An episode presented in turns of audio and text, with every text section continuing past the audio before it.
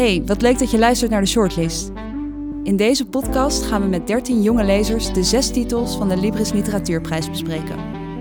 In deze aflevering praat ik, Anne Romee, met Eva over Wij zijn licht van Gerda Blees.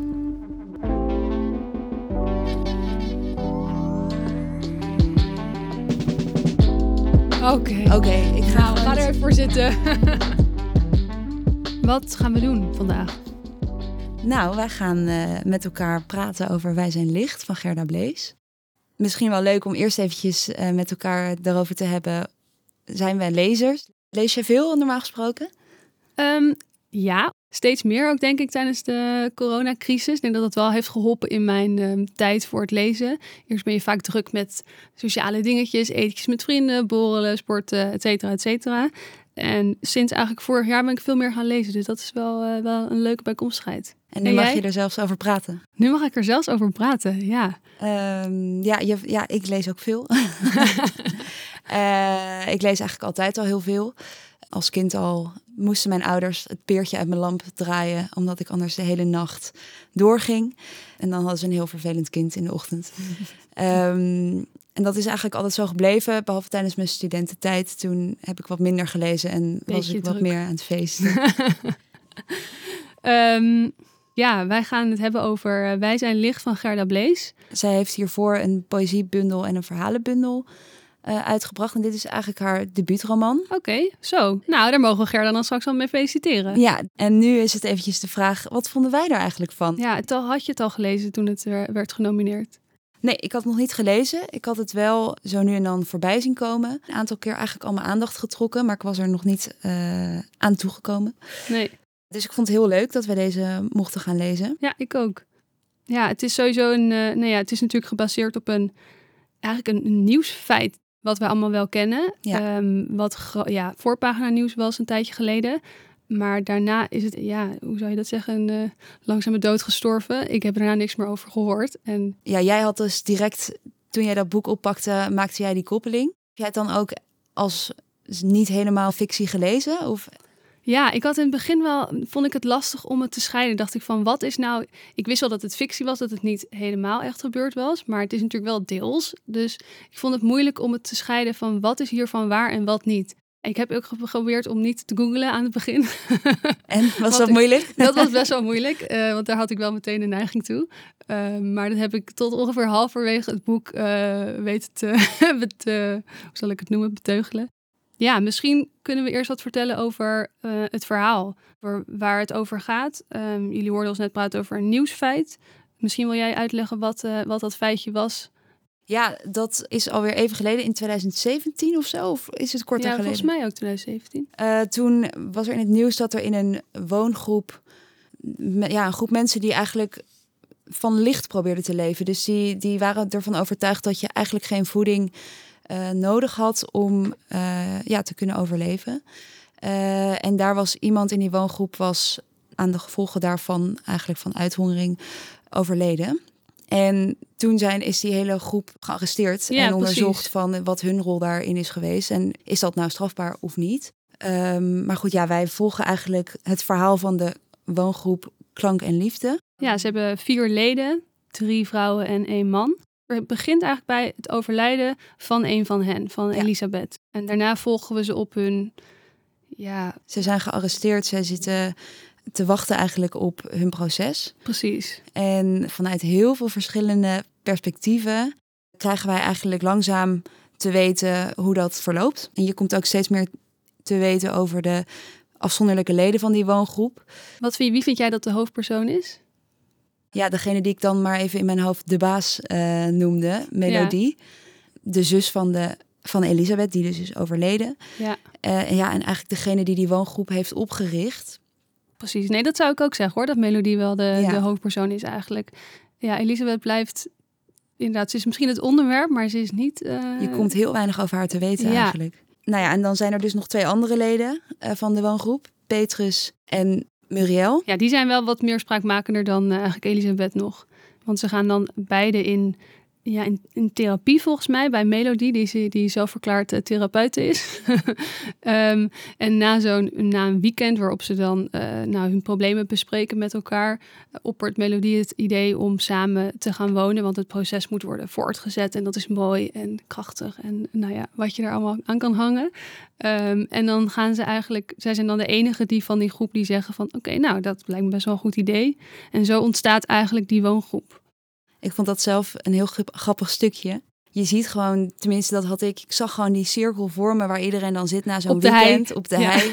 En dan heb je best wel een intens weekend met elkaar gehad. En ineens zegt zo iemand dan, zullen we niet allemaal bij elkaar gaan wonen? En dan, ja, ja je ziet gewoon bijna voor je die soort van, wat krijgen we nu reactie die natuurlijk heel veel mensen hebben. Maar dan zijn er dus toch blijkbaar twee die zeggen van, uh, nou ja, ja dat is eigenlijk wel een goed idee. Nou ja, heb je toch ook wel eens als je met vriendinnen een weekend weggaat, dat je dan aan het einde van het weekend vind je het echt, vind ik het in ieder geval super jammer als het dan afgelopen is. Als jij misschien zou zeggen van ga je met me mee, dan had ik dat misschien ook nog wel gedaan. Ja, nou ja, maar blijf je nog een nachtje. Blijf je voor de rest uh, ja, tot het einde der tijden op een luchtbed uh, in mijn woonkamer liggen. Ik nee, weet dat niet. is wel een beetje next level.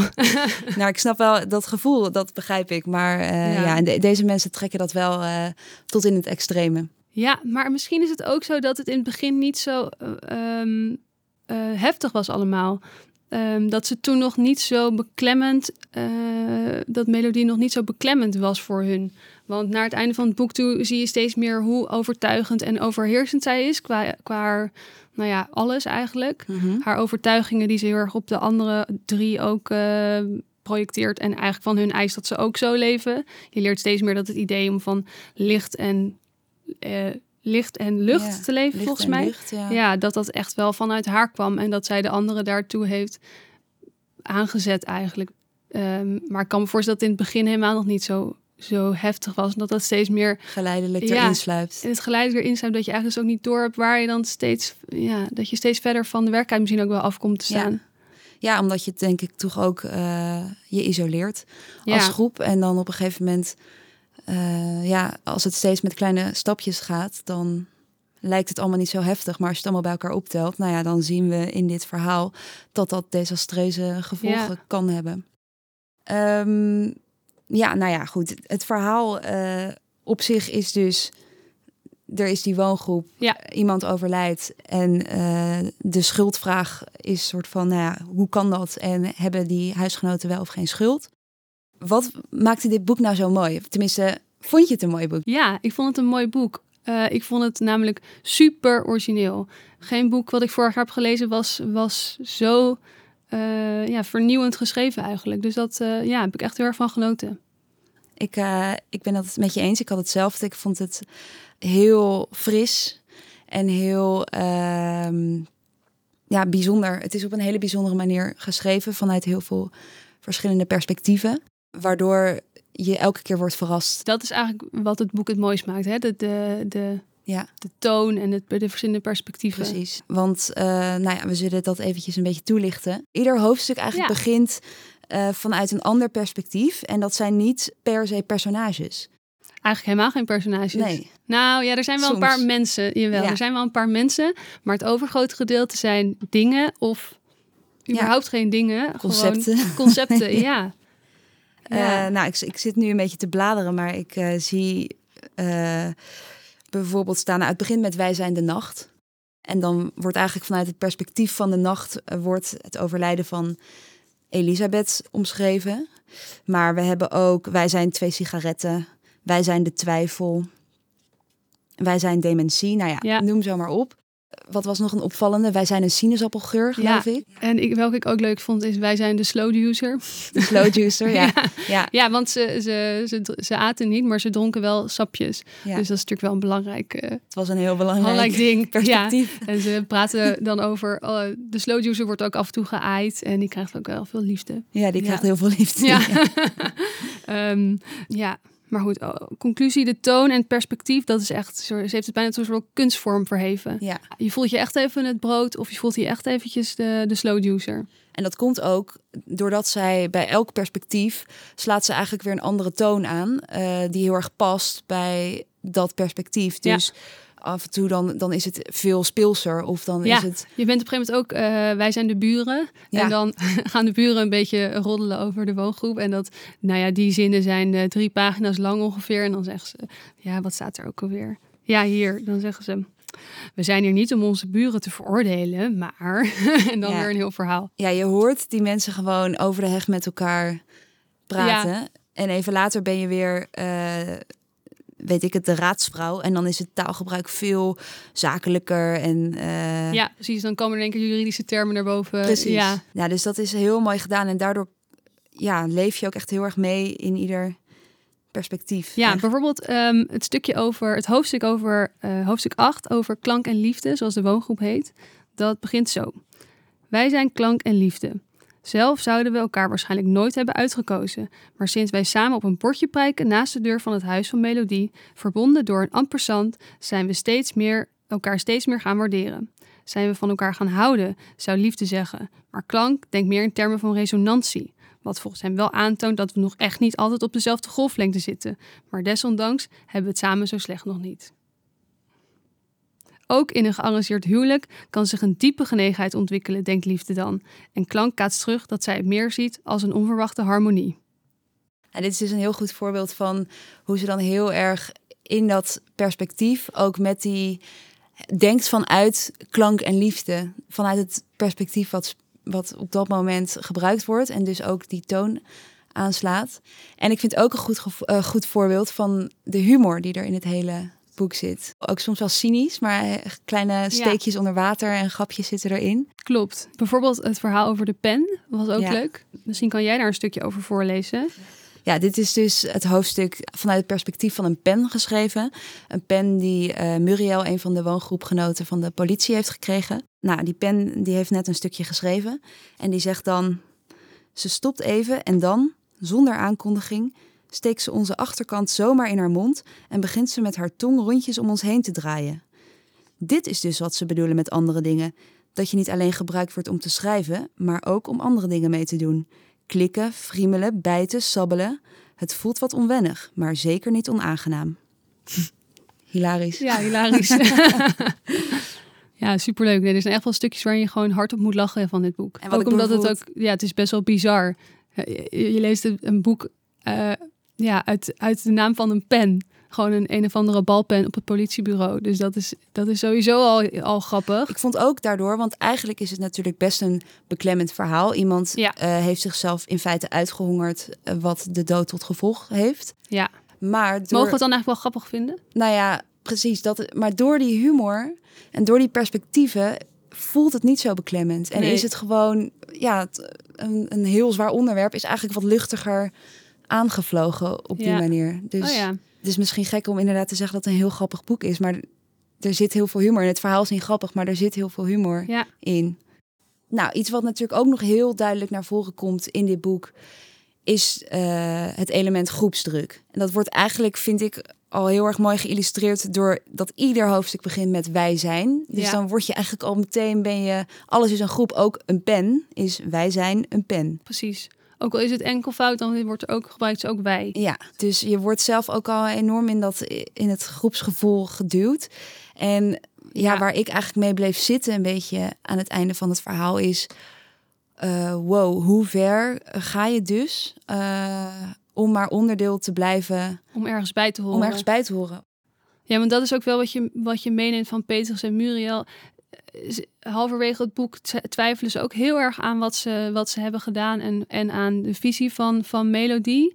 eh, van de licht- en luchten goeroes ook. Ja. Maar het lukt ze toch niet om dat echt achter zich te laten. Omdat ze het toch heel prettig voor ze is dat ze eh, ergens bij horen. En dat ze bij die woongroep horen. Ook al helpt dat een van hun naar de dood eigenlijk. Dus dat is, dat is wel gek om te lezen. En dat is best wel inderdaad...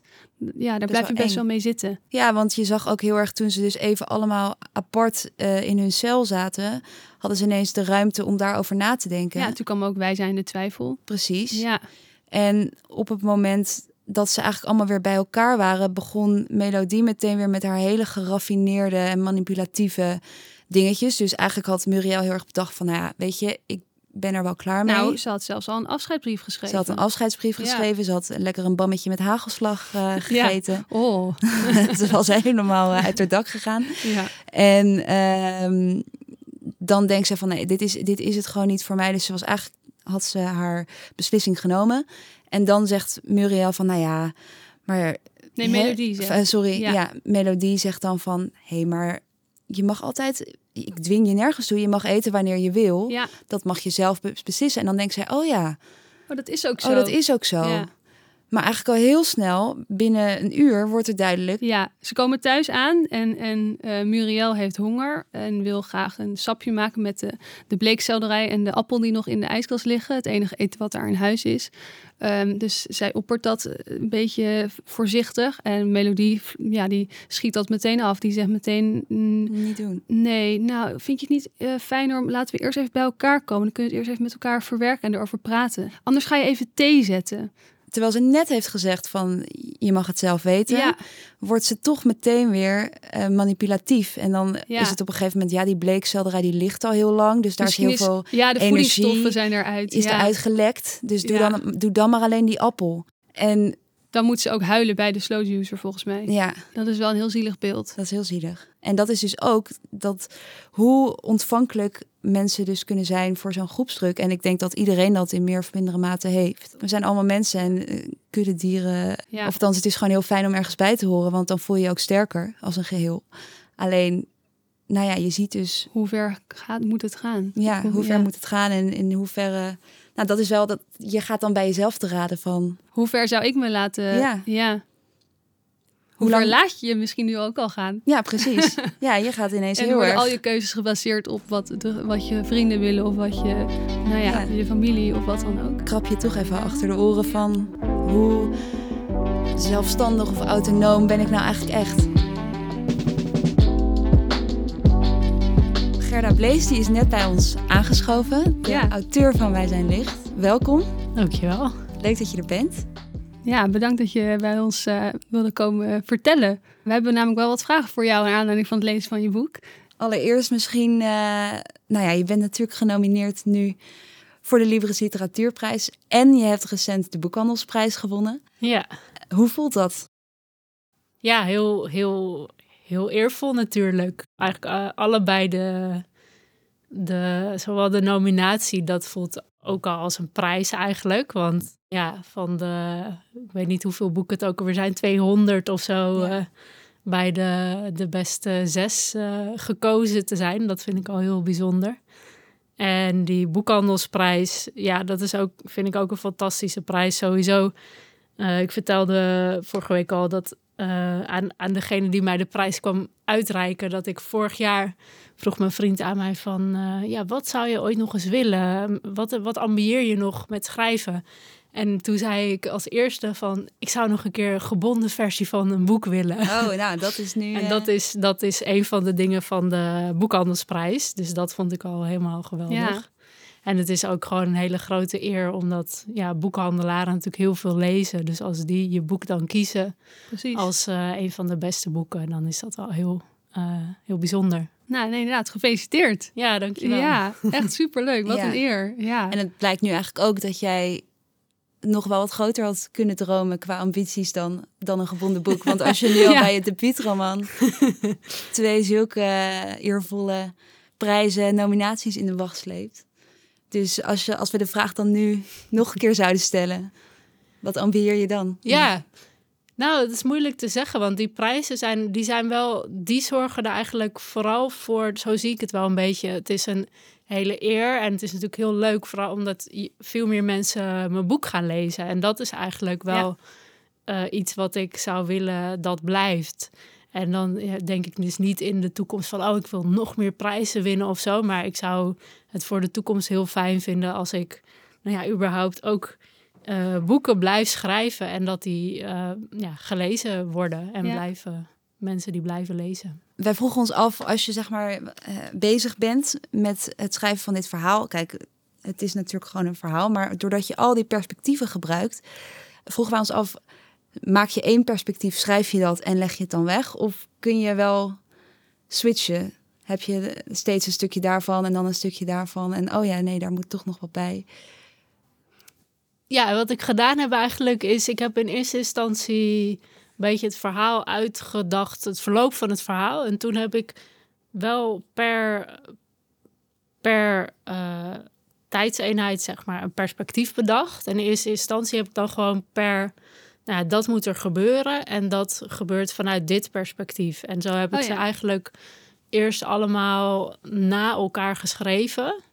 En vervolgens ben ik dat gaan teruglezen. En toen heb ik ook sommige perspectieven veranderd, omdat ze bijvoorbeeld niet werkten. Of ik heb, um, ja, ik heb hoofdstukken soms nog wel eh, geschoven. Maar ik ben wel dus vaak steeds, terwijl ik aan het werken was, dan werkte ik aan één stuk tekst. Dus dan werkte ik binnen dat perspectief waar ik dan mee bezig was. Ja, want je toon of je schrijfstijl verandert ook nog wel eh, een beetje per perspectief. Ja, ik kan me dan ook wel voorstellen dat, het, dat je even daar echt in moet kruipen in zo'n mindset. Of valt dat Ja, klopt. Ja, je zit dan... Ja, je gaat echt even in die, in, in die persoon zitten eigenlijk. Het zijn natuurlijk niet allemaal personen, maar alsnog... Eh, op een gegeven moment krijgen, krijgen die vertellers toch een bepaalde persoonlijkheid. En vanuit daar schrijf ik dan. Ja, zeker. Ja, dat vond ik ook echt knap gedaan. Bijvoorbeeld het brood, dat was ook een beetje, die was ook een beetje geïrriteerd of zo eigenlijk. Dus dat werd ook een soort, inderdaad, een, een persoon. Of de pen die ook een beetje een beetje dommig is of zo, die het allemaal nog niet zo goed weet en naar de steeds meer achterkomt wat dan uh, het eigenlijk is om een pen te zijn eigenlijk. Ja, dat is ook wel mooi bij de pen. Dat was eentje die eerst niet, die ik eerst niet goed uh, van de grond kreeg, zeg maar. Dus dat mhm. was er eentje waarbij ik hem eerst had geschreven en er zelf al niet blij mee was. En mijn hmm. redacteur ook zei van nou, ja, het komt een beetje geforceerd over. En dat had er ook mee te maken dat die pen nog niet echt zijn eigen karakter had of oh, zo. Ja, en toen ik die eenmaal had, toen werd het ook veel leuker om te schrijven. En toen ja, was Het ook, werd het ook veel logischer dat die pen dat vertelde. Nou, nu vind ik het eigenlijk een van de leukste hoofdstukken, dus uh, goed gedaan. Heb jij zelf eigenlijk favoriete uh, perspectieven of hoofdstukken? Ja, ik had er wel een paar. Eentje die ik zelf heel leuk vond om te schrijven was uh, Klank en Liefde. Ja, die vonden wij ook heel mooi. Wij hebben net, ja, wij hebben net het uh, eerste stuk voorgelezen. Ah, wat mooi. Ja. Eh, die, ja, die, en dat was ook wel mooi, want volgens mij had ik toen ik, toen ik het schema maakte van het boek, had ik een ander perspectief in gedachten. Maar toen begon ik te schrijven en toen kwam dat ineens in me op en toen ging ik daarop verder. Ja, dat is gewoon eentje waarin ik heel erg speel ook een beetje met dat met allemaal flauwe woordgrapjes met klank en liefde. Ja, precies, de resonantie. En de, ja, ja, leuk. Dat vonden wij, dat spatte er ook wel vanaf. En uh, misschien nog heel veel terug naar ehm, het ontstaan van het boek, het idee daarvan. Hoe is dat zo gekomen? Het is natuurlijk gebaseerd op een nieuwsfeit eigenlijk. Um, is dat bij je blijven hangen of hoe is dat gegaan? Ja, dat, dat bleef eigenlijk al meteen vanaf het eerste keer dat het in de krant stond was het gelijk iets wat me heel erg fascineerde. Dus eigenlijk op dat moment al meteen dacht ik, oh, dit is zo interessant. Toen las ik er meer over en toen dacht ik ook van, ja, hier zit ook heel veel in waar ik graag over na wil denken of waar ik over wil schrijven. Dus toen was echt al heel snel dat idee geboren van hier wil ik uh, een boek over schrijven. Wat bedoel je met waar, waar je graag over wil schrijven? Was het het thema van de groepsdruk of de, of de woongroep of wat, wat was het precies? Ja, ik denk de combinatie, er zitten meerdere dingen in. Dus ja. één ding is het, het niet eten. Dat is iets wat mij heel erg fascineert. Dat mensen stoppen met, met eten. Dat ze een soort van daarmee de fysieke realiteit van dat je eten nodig hebt proberen te overstijgen. En ook dat, dat iemand kan denken dat dat, dat kan en anderen denken dat, anderen zien dat kan helemaal niet, maar toch ja zit daar een soort discrepantie in. En daarbij inderdaad dat het dan ook nog in een groep gebeurt. En dus dat het ook inderdaad gaat over de verhoudingen binnen die groep, maar ook de verhoudingen tussen die groep en de buitenwereld. En heb je dat toen je dat, uh, nou ja, goed, oké, jij, jij dacht van hier wil ik over schrijven. Heb je dat toen lang laten liggen? Want het is alweer even geleden dat het in het nieuws is geweest. En heb je toen op een gegeven moment was er dan een, trigger voor jou van oké, nu gaat het gebeuren? Of hoe is dat? Uh, ja, dat was eigenlijk meer heel praktisch. Van ik was toen ik dat bedacht, was ik nog bezig met een dichtbundel af te maken. Dus die heb ik toen eerst afgemaakt. ja, en toen die klaar was en ik had weer tijd om aan iets Mhm. nieuws te beginnen, Ja. toen ben ik eraan begonnen. En het was eigenlijk ook wel goed dat het even wat, dat er wat tijd tussen zat, dat het een beetje kon rijpen, het idee. Ja, precies. Ja. Ja. het moet wel natuurlijk ook wat groeien, inderdaad, hoe je dat gaat vormgeven. Ja. Ik vond het ook wel grappig, want ik heb wel inderdaad het nieuws gezien en gelezen. En ik vond het ook best wel intrigerend. Maar daarna verdwijnt het dan eigenlijk weer. Dan, dan hoor je er, dit is het voorpagina nieuws en dan is het daarna eigenlijk weer even klaar of zo. Dus ik vond het heel leuk om eh, door jouw boek eigenlijk dan weer even terug te gaan en te denken inderdaad, oh ja, hoe zou het inderdaad met die mensen zijn? Of hoe zou dat zijn gegaan? Dat was eigenlijk ook nog wel een vraag die wij hadden. Hmm. Het verhaal, eh, dit boek blijft eigenlijk best dicht bij het verhaal van wat er daadwerkelijk is gebeurd.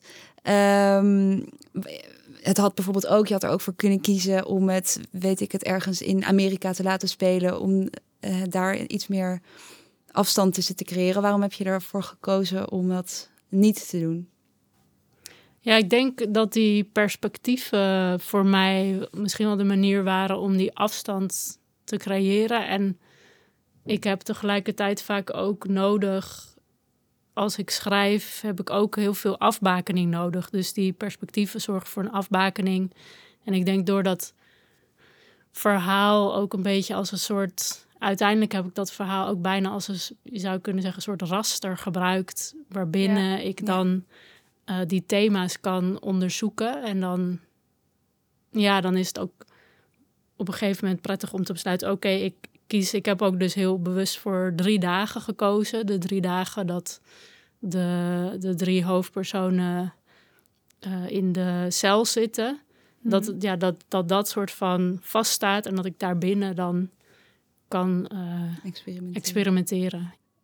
Hoe eh, heeft jouw omgeving gereageerd op dit boek? Je vrienden, familie, wat zei iedereen? Ja, iedereen was eigenlijk best wel enthousiast. Wat natuurlijk vaak zo is. Ja. Dat je eigen vrienden en familie eh, enthousiast zijn. En ehm, we hebben natuurlijk een beetje gegoogeld. Ah, en ja. we hebben gezien dat jij eh, zelf ook in een woongroep woont. Eh, ik geloof niet dat jullie op licht en lucht Nee, leven.